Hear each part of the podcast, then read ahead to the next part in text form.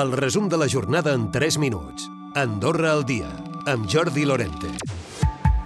Els avisos relacionats amb la pornografia infantil han pujat en el darrer any, tot plegat, segons ha destacat la unitat especialitzada en delictes tecnològics. Amb tot, només una petita part d'ells acaben confirmant-se.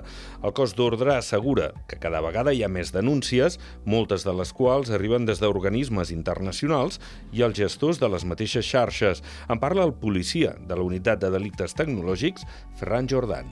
Si tu tens un amic que no coneixes de res i inicies un xat, realment no saps en què estàs uh, compartint aquell xat. A poc a poc es van guanyant la confiança, realment pensis que és una noia i uh, tu facilitis informació teva ja tan privada com una fotografia despullada. L'hemicicle ja està dissolt. Ha començat de manera oficial el compte enrere per escollir els 28 consellers generals de la propera legislatura.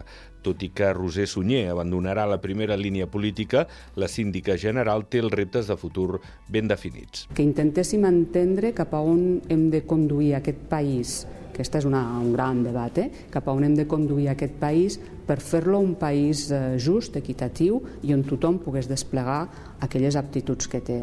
La Fiscalia ha demanat sis anys de presó per a David Claverol, expresident de la Fundació Privada Tutelar, acusat d'haver-se apropiat indegudament de 23.000 euros el 2019. La defensa rebaixa la gravetat dels fets i creu que se l'hauria de condemnar a un màxim de 4 mesos de presó condicional. La criminologia és una disciplina de creació recent que no té cabuda en el marc legal andorrà. Ni la llei de seguretat ni la de la justícia no la preveuen com a professió i això és el que volen canviar els criminòlegs i els estudiants de criminologia del país.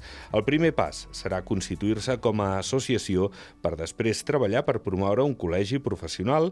En parla Mireia Calbó, criminòloga forense. Sí que està bé el dret, el dret és una font del, de la criminologia, però no és només això, i doncs ens agradaria tenir el nostre col·legi per poder signar els informes que fem, sigui a instància pública, que sigui la batllia que ens ho reclami, o a instància privada de persones de la societat civil que ens demanen, ostres, necessito un informe pericial o un informe forense. El Comú d'Escaldes en Gordany equiparà amb plaques fotovoltaiques al pavelló del Prat Gran. De fet, ara la despesa energètica ascendeix a més de 100.000 euros. Es preveu que l'amortització de les plaques, que s'han d'instal·lar el 2024, es podria fer en un període d'entre 3 i 5 anys. L'ocupació hotelera la darrera setmana ha estat gairebé del 80%. Tot i estar lleugerament per sota de l'anterior, les dades continuen sent elevades demostrant una molt bona temporada d'hivern. De fet, el cap de setmana ha mostrat un repunt en la presència de turistes, concretament s'ha arribat a un 93% de mitjana. Recupera el resum de la jornada cada dia a AndorraDifusió.d i a les plataformes de podcast.